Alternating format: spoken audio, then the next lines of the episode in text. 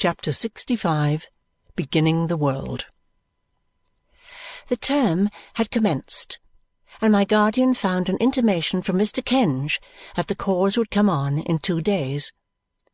As I had sufficient hopes of the will to be in a flutter about it, Allan and I agreed to go down to the court that morning. Richard was extremely agitated and was so weak and low, though his illness was still of the mind, that my dear girl indeed had sore occasion to be supported. But she looked forward, a very little way now, to the help that was to come to her, and never drooped. It was at Westminster that the cause was to come on.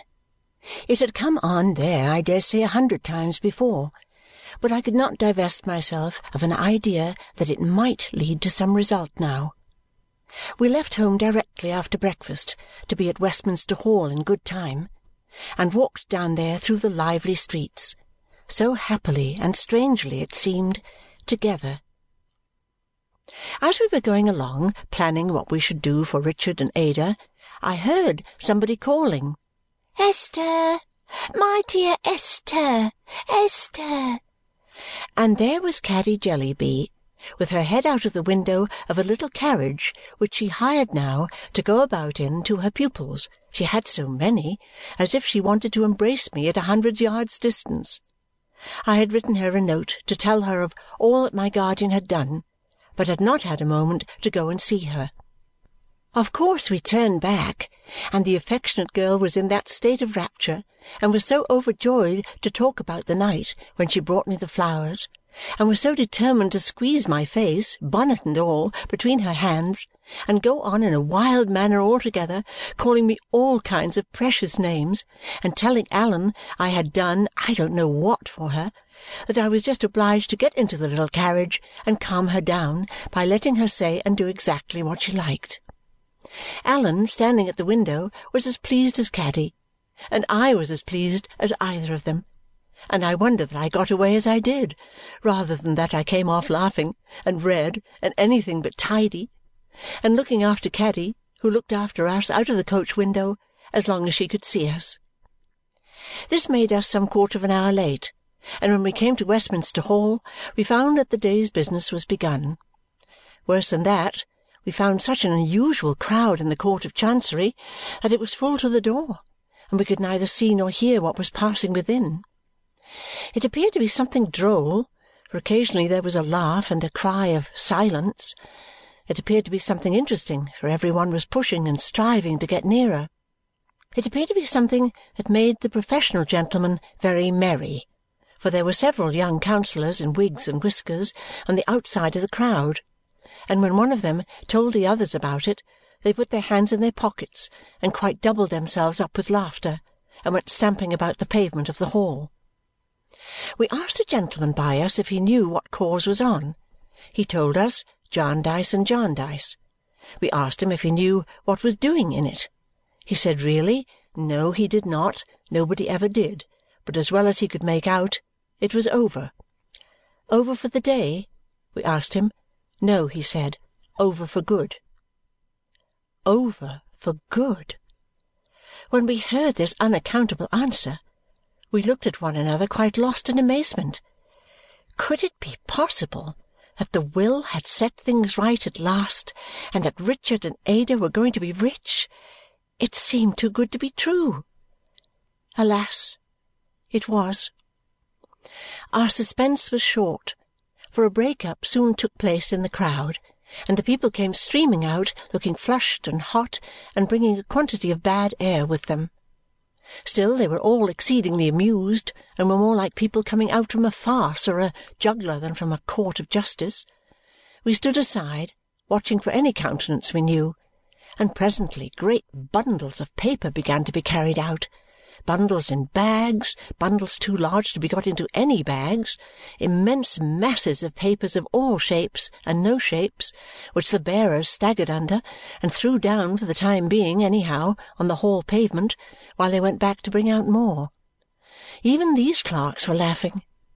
We glanced at the papers, and seeing Jarndyce and Jarndyce everywhere, asked an official-looking person who was standing in the midst of them whether the cause was over. Yes, he said, it was all up with it at last, and burst out laughing too.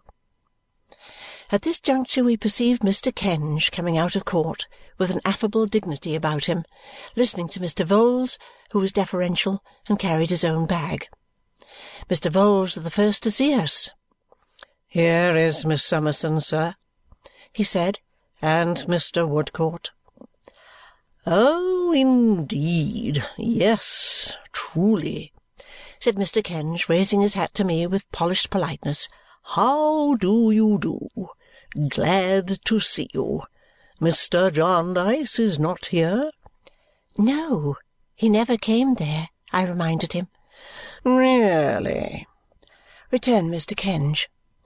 "It is as well that he is not here to-day, for his shall I say, in my good friend's absence, his indomitable singularity of opinion might have been strengthened, perhaps not reasonably, but might have been strengthened." "Pray, what has been done to-day?" asked Allan. "I beg your pardon," said Mr. Kenge with excessive urbanity. "What has been done to-day?" "What has been done?" repeated Mr. Kenge. "Quite so. Yes. Why, not much has been done. Not much. We have been checked, brought up suddenly, I would say, upon the shall I term it uh, threshold." "Is this will considered a genuine document, sir?" said Allan. "Will you tell us that?" "Most certainly, if I could said Mr. Kenge. "But we have not gone into that. We have not gone into that." "We have not gone into that," repeated Mr. Vholes as if his low inward voice were an echo. "You are to reflect, Mr. Woodcourt," observed Mr. Kenge, using his silver trowel persuasively and smoothingly, "that this has been a great cause that this has been a protracted cause, that this has been a complex cause. Jarndyce and Jarndyce has been termed, not inaptly, a monument of Chancery practice." "And patience has sat upon it a long time," said Allan. "Very well indeed, sir," returned Mr. Kenge with a certain condescending laugh he had. Very well. You are further to reflect, Mr. Woodcourt," becoming dignified almost to severity, "that on the numerous difficulties, contingencies, masterly fictions, and forms of procedure in this great cause, there has been expended study, ability, eloquence, knowledge, intellect, Mr. Woodcourt, high intellect.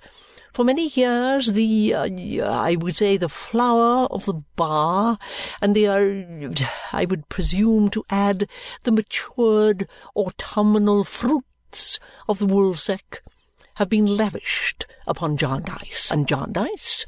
If the public have the benefit, and if the country have the adornment of this great grasp, it must be paid for in money or money's worth, sir. "Mr. Kenge," said Allan, appearing enlightened all in a moment, "excuse me. Our time presses. Do I understand that the whole estate is found to have been absorbed in costs?" "I believe so," returned Mr. Kenge. "Mr. Vholes, what do YOU say?" "I believe so," said Mr. Vholes. And thus the suit lapses and melts away? Probably, returned Mr. Kenge. Mr. Vholes? Probably, said Mr. Vholes. My dearest life, whispered Allan, this will break Richard's heart. There was such a shock of apprehension in his face, and he knew Richard so perfectly and I too had seen so much of his gradual decay that what my dear girl had said to me in the fullness of her foreboding love sounded like a knell in my ears. "In case you should be wanting Mr. C., sir," said Mr. Vholes, coming after us, "you will find him in court. I left him there resting himself a little. Good day, sir. Good day, Miss Summerson." As he gave me that slowly devouring look of his while twisting up the strings of his bag before he hastened with it after Mr. Kenge, the benignant shadow of whose conversational presence he seemed afraid to leave, he gave one gasp as if he had swallowed the last morsel of his client, and his black buttoned-up unwholesome figure glided away to the low door at the end of the hall. "My dear love," said Allan, "leave to me, for a little while, the charge you gave me. Go home with this intelligence and come to Ada's by and by.